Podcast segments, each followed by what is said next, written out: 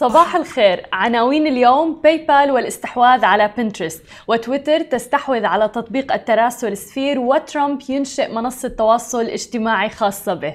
يا أهلا وسهلا فيكم ببرنامجكم. صباحكم مع سماشي معي أنا هالة بسام. واليوم خلونا نبدأ بأخبارنا. وأول خبر معنا لليوم بدنا نحكي عن تطبيق بنترست وباي بال بأول خبر بدنا نحكي وتحدثت أيضا العديد من المصادر الإخبارية عن عرض شركة باي بال آه، قيمته تقريبا 45 مليار دولار أمريكي لشراء شبكة التواصل الاجتماعي بنترست طبعا تعتبر باي بال من أهم الشركات العالمية في قطاع المدفوعات الرقمية وعملت بشكل ملحوظ مؤخرا لتوسيع أعمالها خاصة مع إطلاق خدمات دفع متنوعة سواء كان الشراء والدفع لاحقا. بالإضافة إلى ذلك إطلاق حملات جمع تبرعات بين المستخدمين بسهولة جدا وأيضا قبول الدفع عبر العملات الرقمية وحتى تبادل العملات الرقمية المشفرة من خلال منصتها.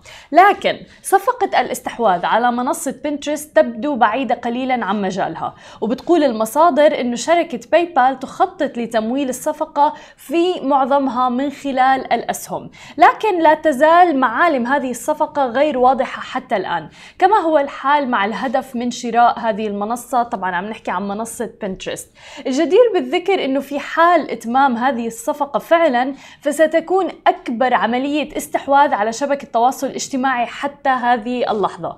متخطية حتى قيمة استحواذ مايكروسوفت على LinkedIn مقابل 26.2 مليار دولار أمريكي اللي صارت بعام 2016 وأكيد نحن راح نواكبكم بآخر المستجدات في حال تمت هذه الصفقة أم لا وكل تفاصيلها على سماشي TV.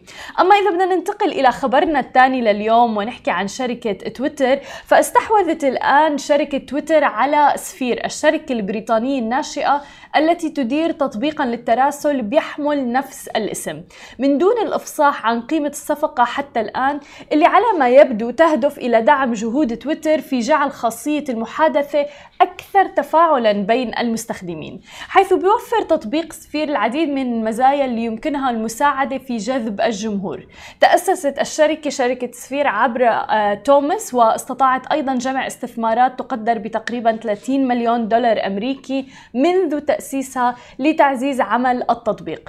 ويعود الفضل الأكبر في جذب الاستثمارات كون مؤسسي التطبيق كانوا قد طوروا تطبيقا يسمى ساملي عندما كانوا بعمر تقريبا 17 سنة يمكن وباعوا لياهو آه، مقابل 30 مليون دولار. وكانت صفقة كبيرة جدا قبل 8 سنوات. ورح تقوم تويتر بعد هذا الاستحواذ بإغلاق تطبيق سفير اللي ما كشف عن عدد مستخدميه بالتفصيل حتى الآن.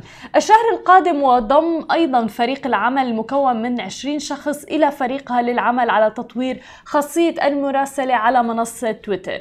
وبتأتي هذه الخطوة من تويتر في ظل سعيها للتوسع أكثر وزيادة نسبة التفاعل على منصتها لجذب المزيد من المستخدمين بإضافة مزايا أكثر حيوية.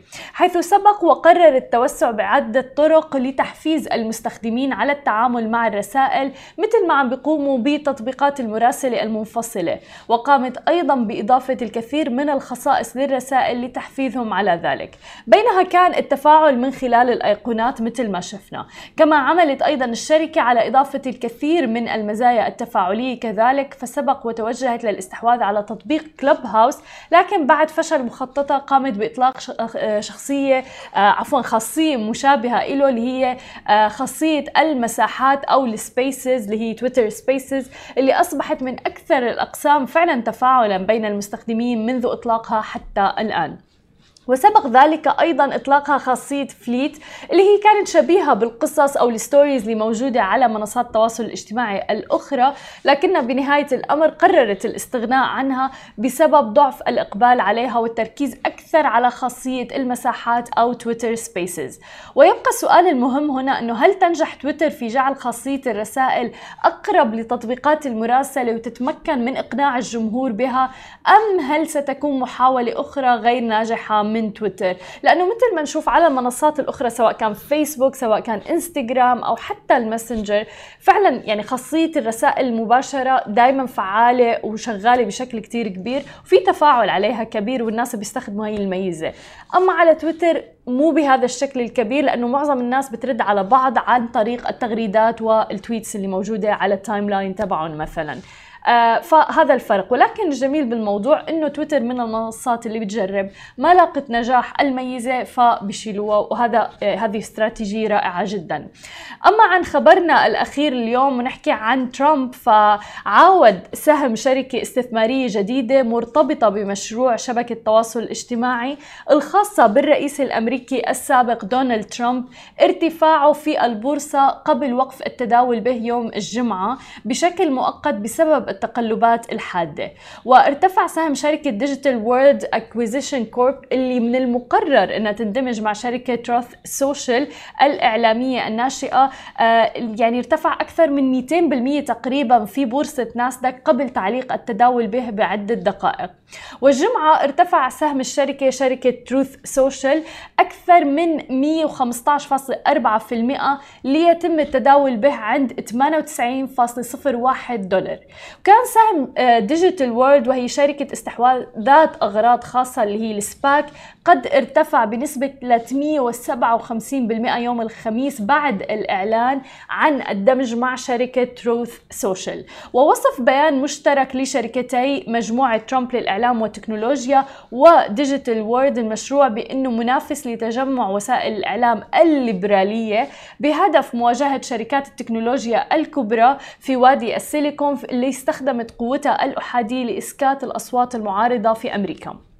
أضاف البيان أيضا أنه من المتوقع أن يتم طرح المشروع على مستوى الوطن في الربع الأول من عام 2022 وكان ترامب خلال ولايته الرئاسية قد استخدم مواقع التواصل الاجتماعي مثل فيسبوك تويتر بشكل مكثف وببعض مثل ما قالوا عدائي في مواجهة وسائل الإعلام التقليدية.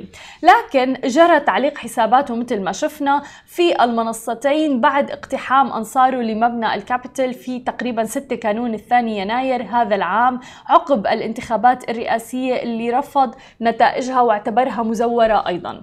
تعد شركات الاستحواذ هي SPAC بمثابة شيك على بياض تقريبا لأنه يتم إنشائها لهدف وحيد وهو دمجها مع شركة أخرى. ساد استخدام شركات الاستحواذ أو SPAC في العامين الأخيرين بشكل كبير جدا. حتى شفناه بمنطقتنا العربية مثل الاستحواذ اللي تم على شركة أنغامي مثلا تم عن طريق SPAC. وقد قامت شركة WeWork أيضا لتشارك المكاتب باتباع نفس هذه الاستراتيجية قبل طرح نفسها للاكتتاب العام الخميس. فمثل ما عم نشوف إنه العديد من الشركات عم تستخدم هذه الاستراتيجية اللي هي ال SPAC آه للدمج بين الشركتين والحصول على استحواذ. ونحن أكيد رح نواكبكم بآخر المستجدات الخاصة بمنصة التواصل الاجتماعي الخاصة بترامب أكيد أول بأول على سماشي TV.